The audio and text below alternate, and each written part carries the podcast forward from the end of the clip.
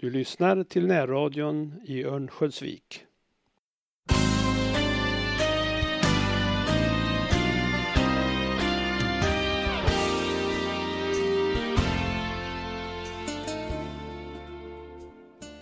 Välkommen till radion Olaskogs och Semesterpratarna.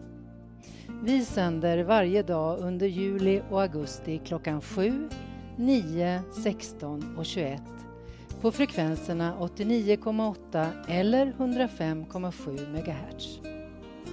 Du kan också lyssna i efterhand på samtliga tidigare program via poddradion. Den, liksom vår app, hittar du på vår hemsida www.radioovik.se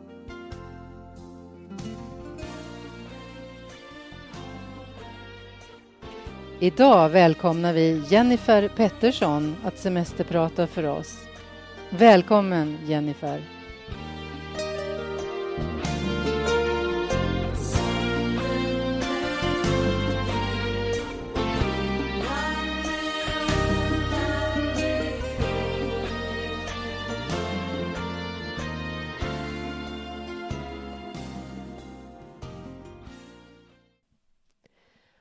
Året var 2007 och jag var 13 år gammal. Det var april och jag befann mig i en idrottshall i Göteborg. Jag hade en gång kvar att få gå ut på tävlingsmattan för att tävla mitt sista redskap. Jag tänkte absolut ingenting utan jag presenterades in på mattan, musiken började spelas och jag körde mitt program och sen gick jag ut från golvet. Några minuter senare så var det dags för prisutdelning och jag ropades upp först och fick gå längst upp på pallen som juniormästarinna 2007. Jag var alltså den bästa rytmiska gymnasten av alla juniorer i hela Sverige. Gick det att bli gladare än vad jag var just precis då? I det tillfället så trodde jag inte det. Det här var nog det gladaste jag någonsin kunde bli. Väl hemma i Örnsköldsvik tog det endast några dagar innan Modo Hockey hade spelat klart sin sista match i elitserien. Det här var året då Modo Hockey tog SM-guld. Det blev ett stort pådrag i hela vår hockeystad och jag minns så väl mina egna tankar när vi åkte omkring i bilen för att fira Modos vinst.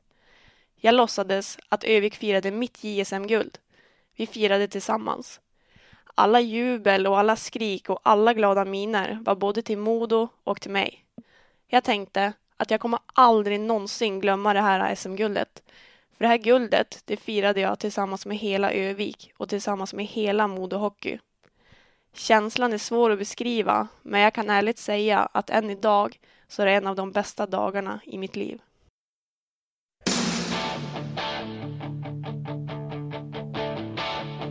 I got my first real six string, bought it at the five and dime, played it till my fingers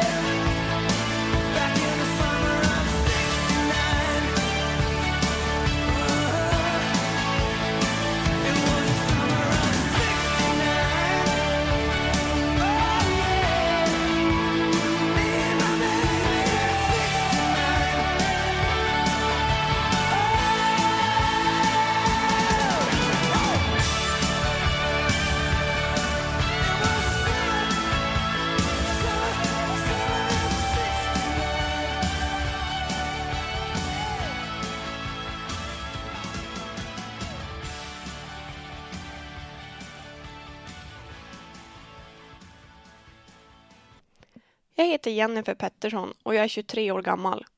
Jag är född och uppvuxen i Örnsköldsvik, eller som det så fint kallas, Foppaland.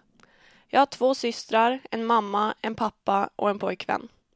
Idag är jag egen företagare och äger en fitnessbutik på Storgatan. Jag jobbar även som tränare inom rytmisk gymnastik sedan två år tillbaka och har precis utbildat mig till domare inom sporten också. Min vardag är allt som oftast fylld med jobb, vilket jag trivs oerhört bra med. Jag älskar att ha fullproppade dagar med saker som jag mår bra av och i mitt fall så är det att träna mina gymnaster, jobba i min alldeles egna fitnessbutik och omge mig av människor som ger mig energi. När jag inte jobbar hittar man, hittar man mig garanterat på gymmet i Domsjö, sportcenter, där jag för ett tag sedan skrivit in mig i tävlingsteamet för att tävla i bikinifitness. Jag är en tävlingsmänniska av dess like och det bästa jag vet är att jobba hårt mot ett mål för att sedan njuta av känslan att jag faktiskt klarar av mina egna utmaningar. Jag är glad, positiv, ambitiös, självständig och väldigt målmedveten. Men eh, om vi hade spårat tillbaka tiden fem sex år hade jag presenterat mig själv på ett helt annat sätt. Jag hade inte vetat vad mina starka sidor var. Jag hade inte kallat mig själv glad eller positiv och jag hade absolut inte presenterat mig själv som en tävlingsmänniska. Hela mitt liv har kretsat runt idrott, mer specifikt runt rytmisk gymnastik. Jag började tidigt med barngympa. Jag var endast fyra år gammal när mina föräldrar satte in mig i idrotten. Därifrån väntade en lång, spännande, jobbig, svår, rolig och framförallt lärorik idrottskarriär. Året 2007 kom jag med i juniorlandslaget och började träna och tävla på allvar. Det här var starten på en lång resa där jag skulle få stöta på allt från prestationsångest och dålig självkänsla till glädje och medaljer. Under två års tid som elitgymnast mådde jag riktigt dåligt och levde varje dag under press, krav och måsten. Det fanns inte en enda dag då jag inte grät och varje träning och varje tävling misslyckades jag på ett eller annat sätt. Jag hade otroligt låg självkänsla och även om jag var en elitidrottare med en stark fysisk kropp var jag svagare än någonsin på insidan. Det här är min historia. Min historia om hur man tar sig ur prestationskrav, press, dålig självkänsla, oro för att misslyckas och hur man bygger upp sig själv till en starkare människa.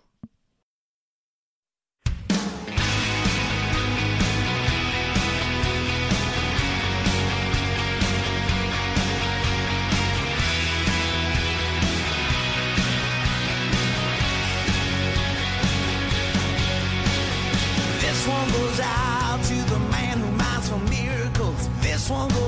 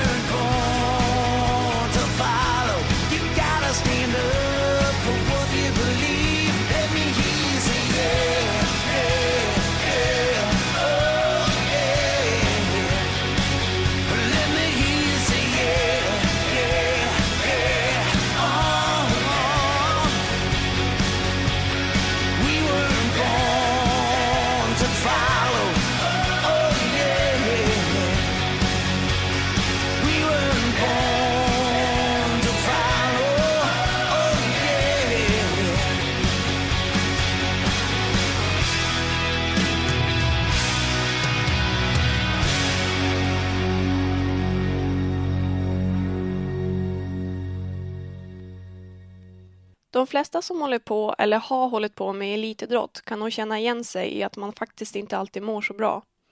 Det är hård och mycket träning, lite vila och fler och fler elitidrottare drabbas av utmattning eller överträningssyndrom.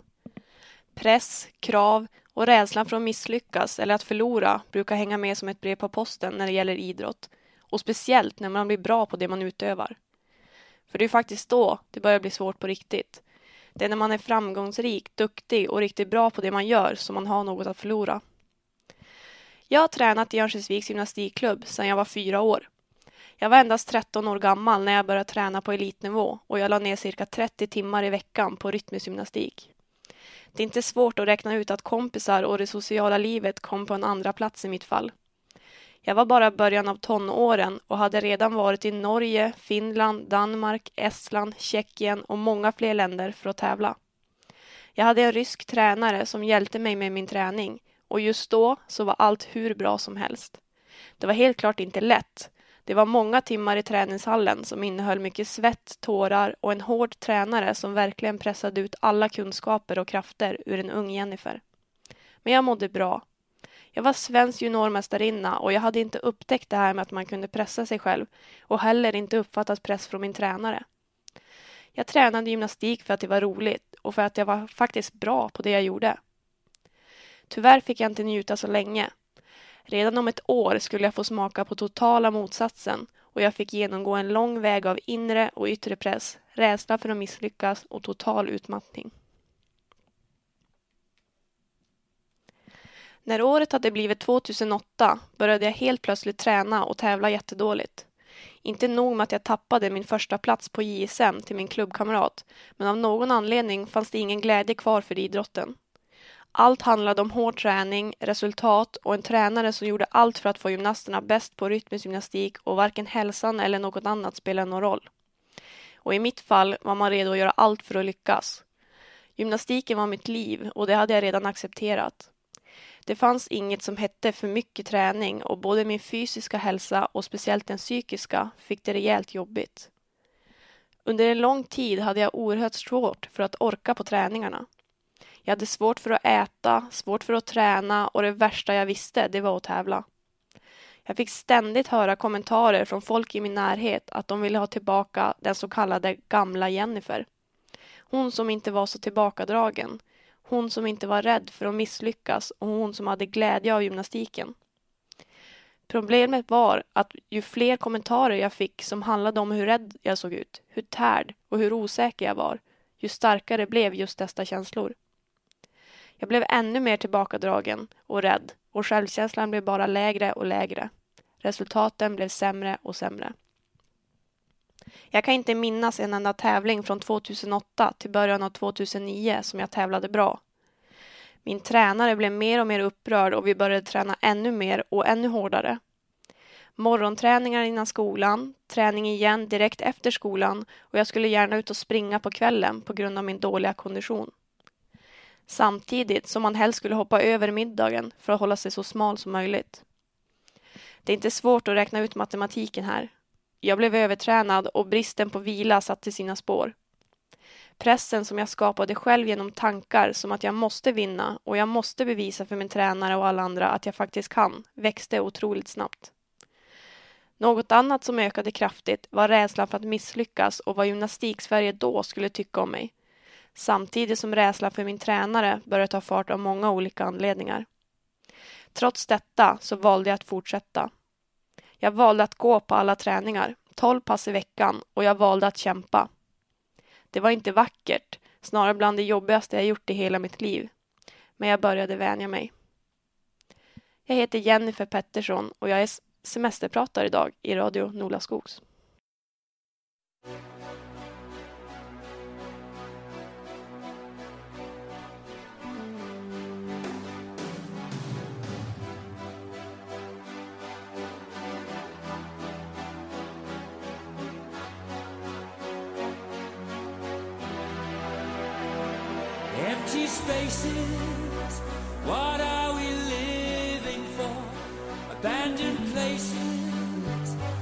guess we know the score.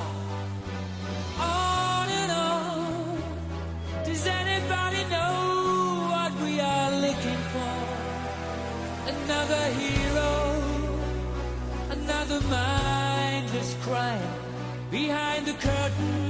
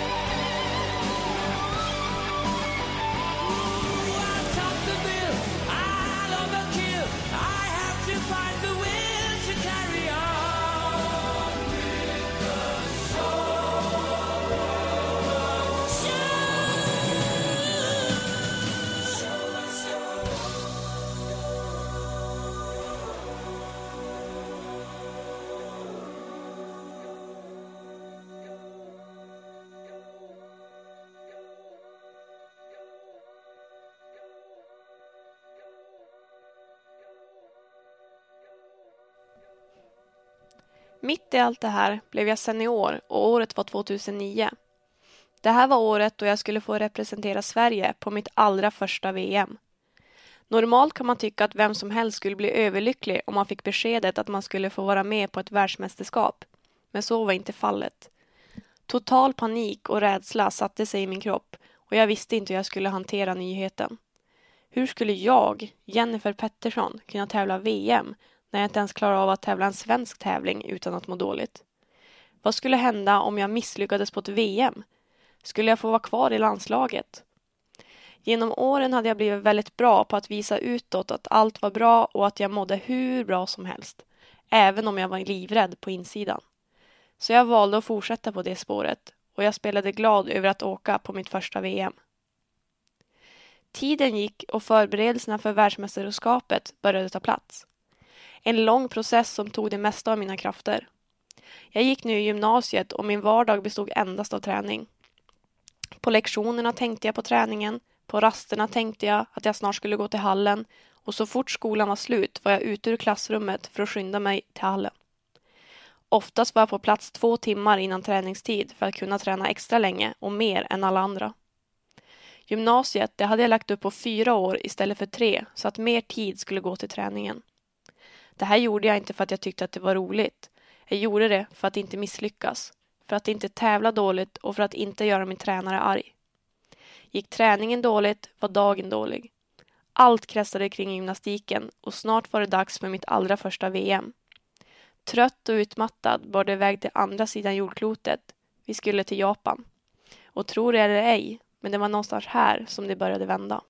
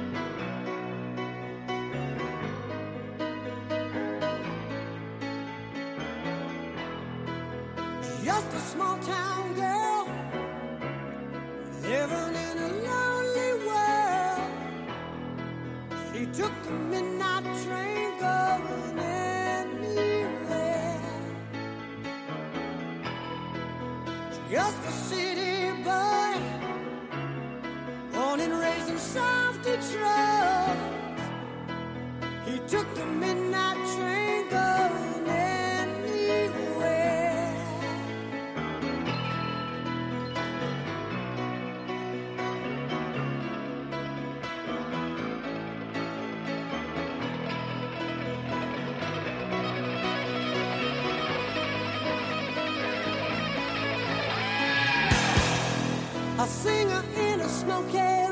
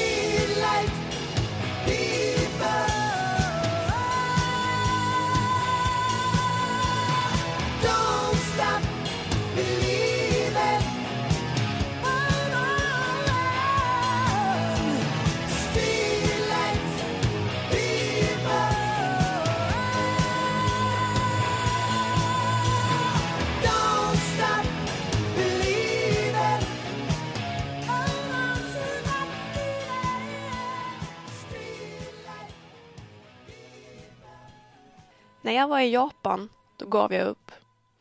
Jag behövde bara gå in i arenan och titta på den enorma tävlingsmattan och hur stort det var.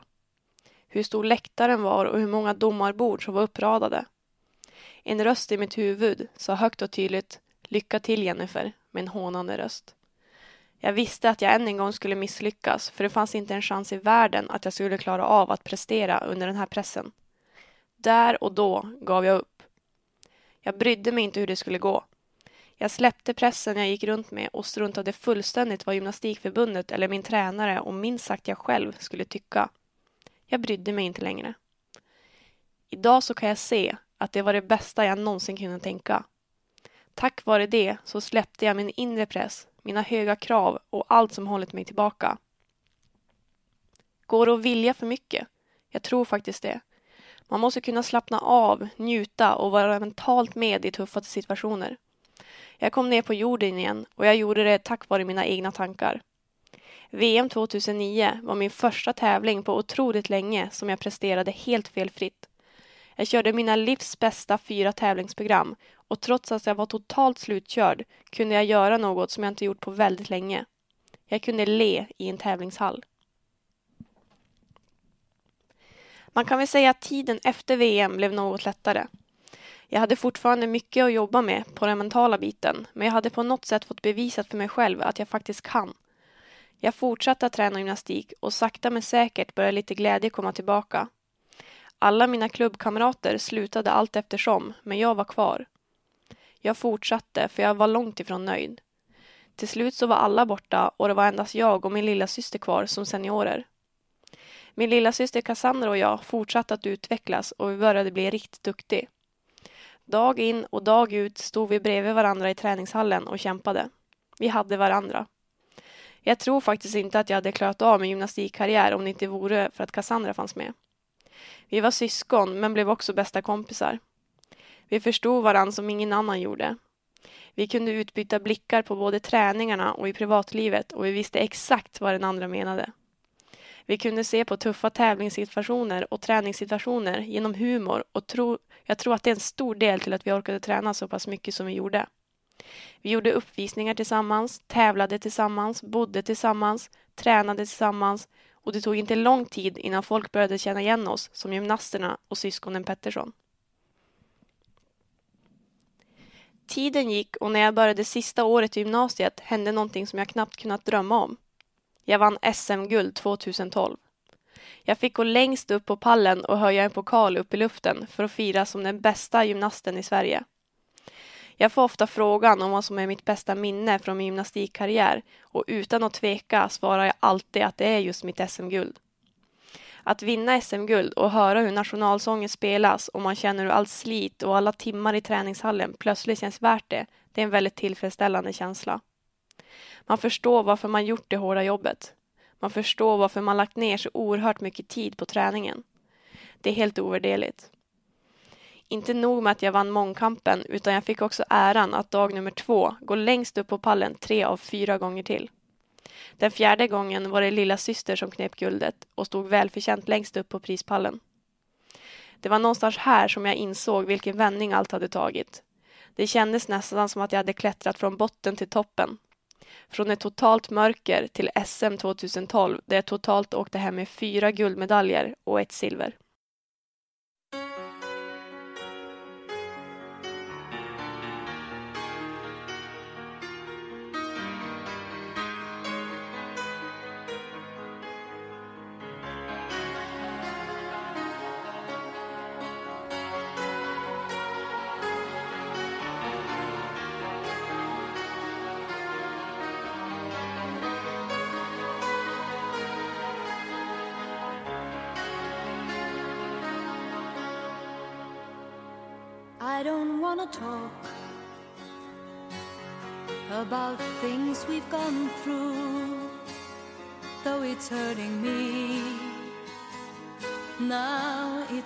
History.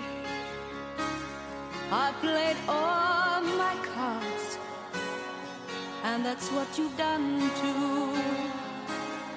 Nothing more to say, no more race to play. The winner takes it all, the loser standing small beside the victory.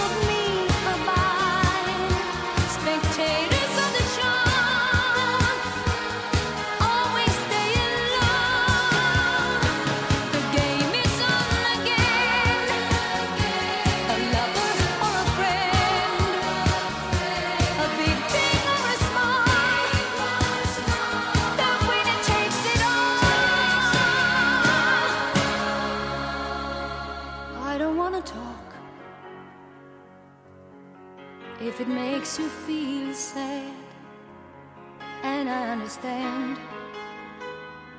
You've come to shake my hand. I apologize if it makes you feel bad seeing me so tense. No self confidence, but you see, the winner takes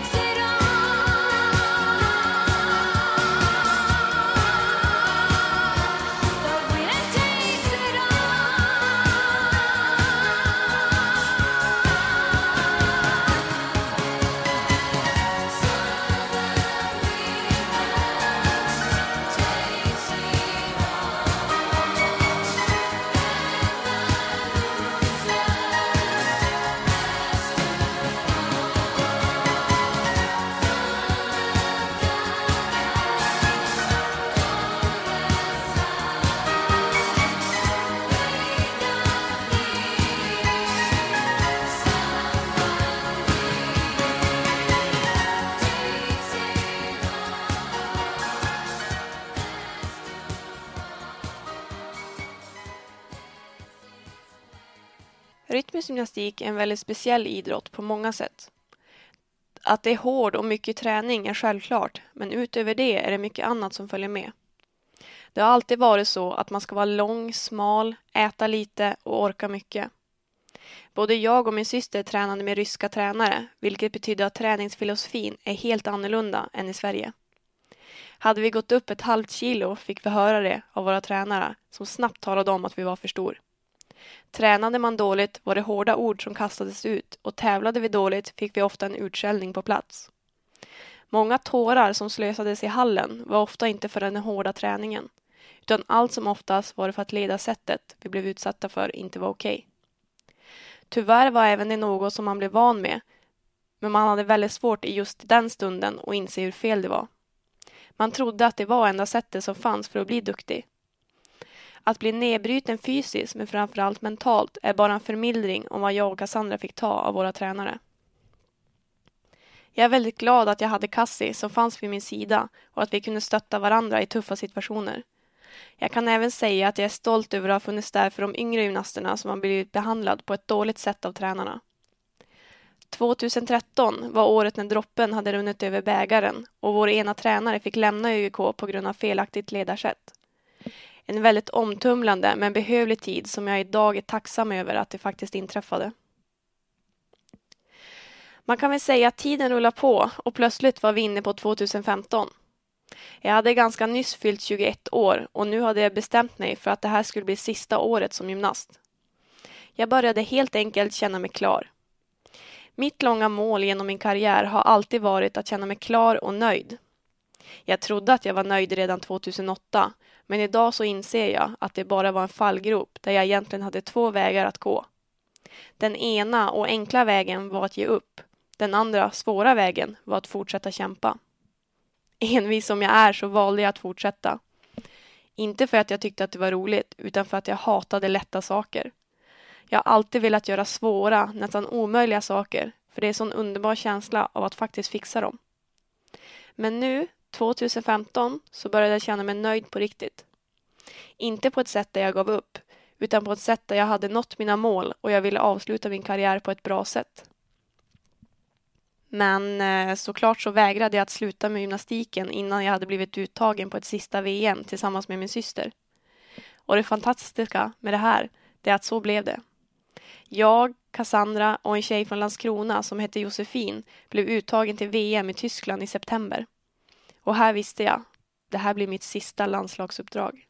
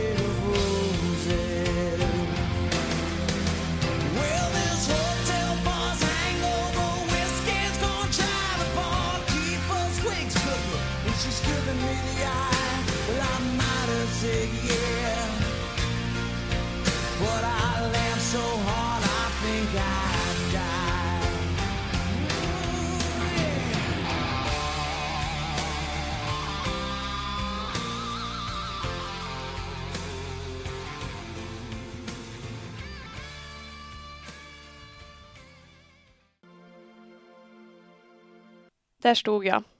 Bara en gång kvar. Jag torkade svetten en sista gång från min panna. Ett stort rosa podium var framför mig och snart skulle jag få gå upp på tävlingsgolvet. En röst i mikrofonen pratade på tyska blandat med engelska. Nu sa han det. Nu sa han mitt namn. Jennifer Pettersson, Sweden. Och jag slängde ner min lilla handduk, höll i mitt band och min bandpinne, slickade mig runt munnen och gick in på mattan.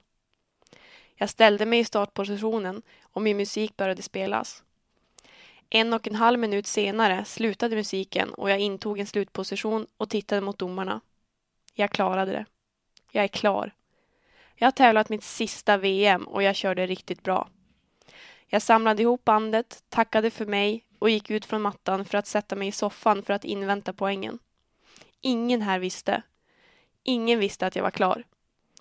Jag var så glad, stolt och lycklig, men sam på samma gång kände jag mig lite ledsen. Det kom en liten tår, men jag tror att det var en glädjetår. Jag och min syster hade gjort den här satsningen helt själva. Vi klarade av den hårda träningen, den mentala pressen och vi klarade av att förbereda oss ett världsmästerskap helt på egen hand. Vår dåvarande ryska tränare som var kvar i ÖIK valde att inte träna oss innan Tyskland och här bevisade vi verkligen hur starka vi var. Att vi faktiskt klarade av att ta oss till ett världsmästerskap och tävla helgrymt genom att stötta varandra. 17 år i gymnastiken och 9 år som landslagsgymnast, men nu var jag klar. Om jag ska vara helt ärlig kändes det lite skönt. Det kändes nästan som att jag hade ett nytt liv att starta. Idag förstår jag nästan inte hur jag lyckas klara av pressen som det är att tävla på ett VM. Det är så stor skillnad om man jämför med hockey, fotboll eller många andra idrotter där man nästan alltid får nya chanser. Tappar man pucken kan man alltid ta den tillbaka. Släpper man in ett mål går det att rädda upp genom att göra egna mål. I gymnastiken finns inte den möjligheten. Du har endast en och en halv minut på dig och missar du något under den tiden kan du aldrig ta det tillbaka. Du har en chans och tar du den inte så har du förlorat. Jag tror att det är en stor del varför jag fastnade för just gymnastiken. Den mentala pressen och den mentala styrkan är ett faktum och jag älskar att utmana och pressa mitt psyke till max. Från Tyskland till Övik och nu var vi på hemmaplan igen. Strax efter VM var det lag-SM på hemmaplan och det var ganska självklart att jag skulle vara med där också. Det hade varit helt fantastiskt att få avsluta med VM som sin sista tävling i karriären, men självklart skulle jag ställa upp för laget och vara med för att sikta mot ett sista lag-SM-guld. Jag kan inte ens drömma om ett bättre avslut på min karriär för tillsammans med min syster Cassandra och Vilma Jakobsson, som jag också tränade med, vann vi guldet och vi stod längst upp på pallen. I Övik, i vårt kära Foppaland. På prisutdelningen gratulerade spiken oss extra mycket och spe säger speciellt tack till mig och grattis eftersom det här var min allra sista tävling. Nu visste alla. Jag log och jag kände mig så oerhört stolt över mig själv, över min syster och över alla mina klubbkamrater. Jag kunde inte önska om ett bättre avslut. Det kändes som att hela karriären blev en röd tråd som började i Göteborg 2007 med ett guld och avslutades i Övik 2015 med ett lagguld. Helt sjukt.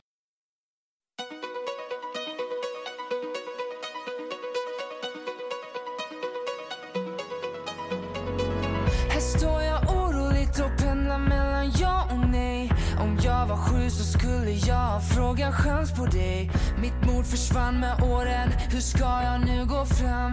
Hur ska jag ge mitt nummer för och efternamn när jag känner mig naken?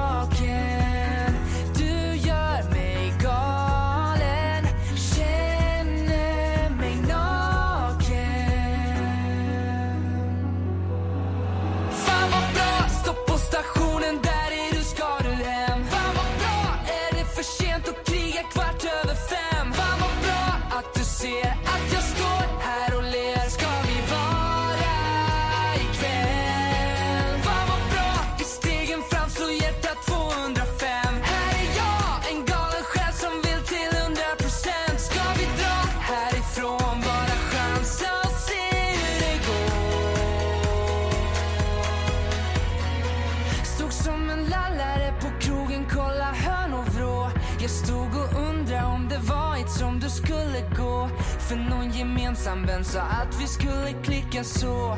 Och hon kan slänga sig i väggen om hon hittar på. Vi mötte blicken men jag tror jag kollar bort igen. Så intressant att tänka hand i hand på vägen hem. Vi kan väl flyga utan rädsla för att falla ner.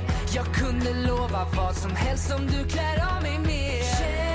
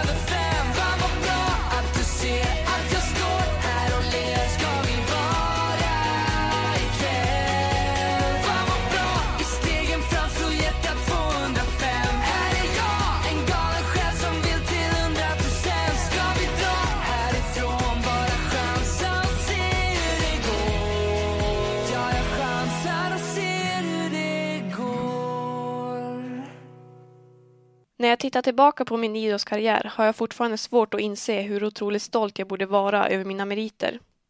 Jag har blivit uttagen till att tävla VM sex gånger, blivit uttagen till EM två gånger, tagit brons i Nordiska mästerskapen två gånger i rad och vunnit SM-guld två gånger. I bagaget finns också lag-SM-guld med mina klubbkamrater i väldigt många år. 2014 blev både jag och min syster utsedd till att ta emot det fina priset Storgrabb och tillsammans har vi gjort otroligt många uppvisningar på olika evenemang som hockeymatcher, mässor, invigningar och företagsfester. Det är helt otroligt att se tillbaka och inse hur mycket man faktiskt hunnit med att göra och hur mycket jobb som belönade sig i slutändan. Jag tittar också tillbaka på de mer jobbiga åren och inser hur jobbigt det är att leva med låg självkänsla och ångest varje dag. Under en lång tid förstod man inte riktigt vad som var problemet med mig, då jag inte orkade träna, äta och den största delen av träningarna så grät jag. Jag vet inte hur många gånger jag varit hos doktorn för att kolla om jag hade astma, då jag fick panik i andningen när jag tränade. I själva verket handlade det om att mentalt hur jag pressade mig själv, hur mina tränare pressade mig och hur rädd jag var för att misslyckas. Rädslan för min tränare gjorde inte saken bättre heller. Jag har växt oerhört mycket med åren och blivit otroligt mycket starkare mentalt. Efter att jag tillsammans med Kassi och Vilma hade vunnit lag-SM-guld fick även vår andra ryska tränare sluta i ÖIK på grund av otillåtet ledarsätt. Det var här som jag fick en viktig roll och jag fick ta över för att bli ÖIKs huvudtränare. På tre år har jag utvecklats jättemycket som person och jag är väldigt trygg i mig själv. Jag känner att jag har en bra självkänsla, ett bra självförtroende och jag mår fantastiskt. Men hur lyckades jag? Jag tror att svaret på den frågan fortfarande är att jag slutade bry mig. Jag slutade att bry mig vad folk skulle tycka om jag misslyckades som gymnast. För vad spelar det egentligen för roll? Ingen kommer att tycka mindre om dig för att du misslyckas på en idrott. Och är det så, så kan jag ärligt säga att du inte behöver sådana personer runt om dig. När jag fick ta över som tränare för elitgruppen i ÖIK visste jag direkt vad jag ville. Jag skulle behandla mina gymnaster på bästa möjliga sätt. Elitidrott går inte ihop med psykisk och fysisk ohälsa enligt mig. Jag tror på att elitidrott kan vara hälsosamt om man gör det på rätt sätt. Mitt stora mål är att behandla mina gymnaster som jag önskar att mina tränare hade behandlat mig. Att tala om för unga flickor om att de är tjocka, dåliga och övertränar dem tills de hatar sin idrott, det är inte hållbart i längden och det är inget jag tänker utsätta mina gymnaster för. Jag har blivit lärd att träna på det sättet men finns det något ännu viktigare jag lärt mig så är det att gymnastiken inte varar för evigt, men det gör vänner. Jag vågar bryta mönstret. Jag är också glad av att få träna min syster och att ge henne möjligheten att känna skillnaden på träningssättet. Ett sätt som tydligt fungerar då ÖGK aldrig haft så många medlemmar som de har nu och aldrig haft så många duktiga gymnaster i toppen på väldigt länge. Det känns väldigt fantastiskt att responsen för detta har visat sig då jag i år blev utsedd till Årets ledare i Region Mitt. Alla de här tankarna kring träning och alla mina visioner om att elitidrott kan vara hälsosamt fick jag äran att presentera och tala om för självaste prins Carl Philip. I december 2016 fick jag ta emot ett ledarstipendium på slottet i Stockholm och skaka hand med prinsen. Känslan av att få stå framför honom, berätta om en del av mitt liv, mina meriter som gymnast och mina visioner som tränare går knappt att beskriva. Jag tror inte jag varit så nervös någonsin som jag var just då, men helt klart den häftigaste upplevelsen jag varit med om. Man kan väl säga att jag är grymt tacksam och glad för allt jag åstadkommit och att allt slit jag lagt ner faktiskt tog mig till kungahuset och en träff med prinsen.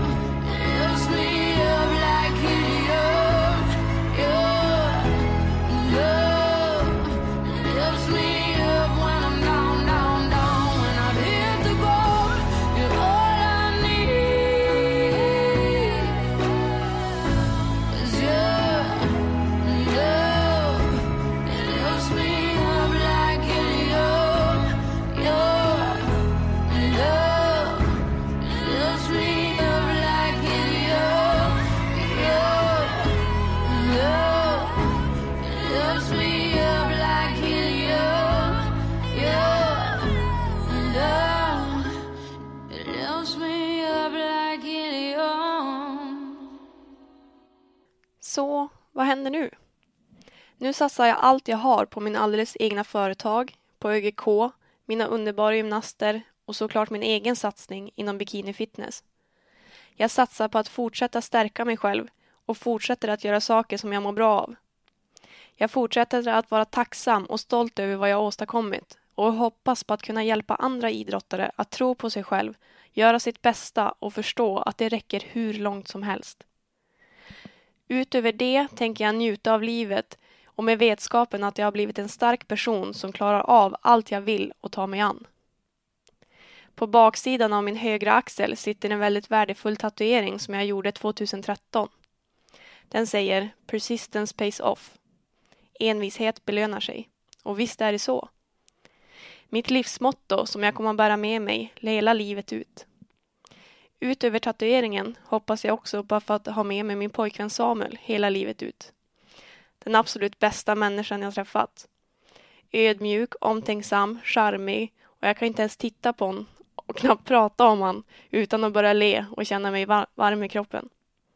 Och faktiskt, för mig, så är han den största guldmedaljen jag någonsin vunnit.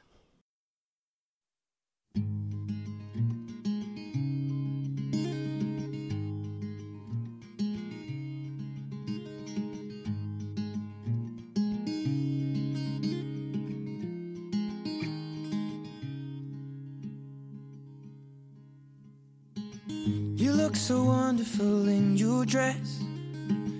I love your hair like that.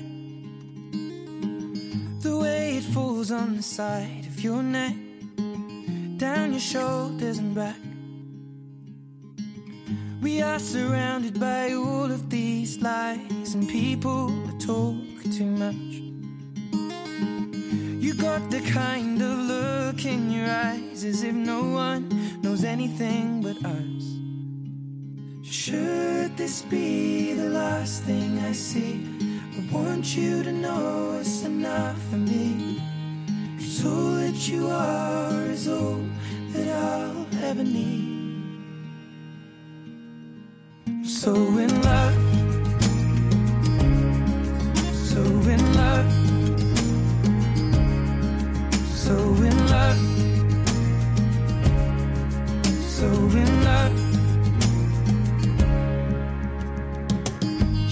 So beautiful in this light. Your silhouette over me. The way it brings out the blue in your eyes is the Tenerife Sea. And all of the voices surrounding us here, they just fade out when you take a breath. Just say the word and now we'll disappear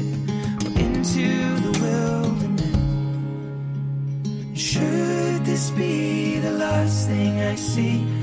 I want you to know it's enough for me. Cause all that you are is all that I'll ever need. I'm so in love.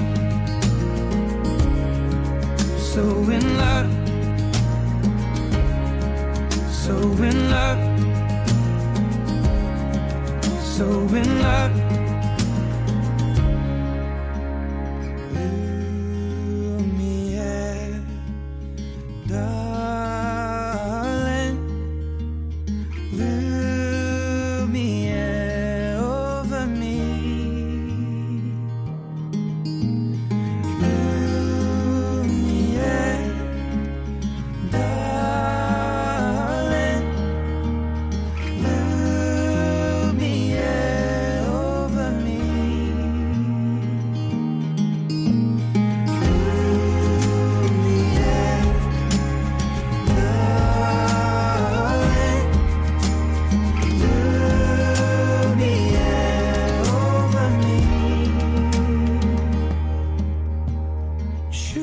This be the last thing I see?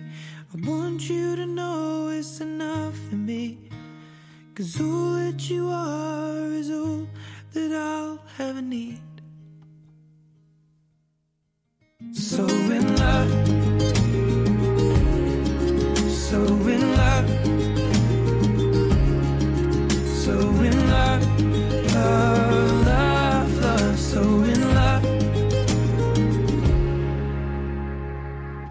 look so wonderful in your dress. I love your hair like that. And in the moment I knew you best.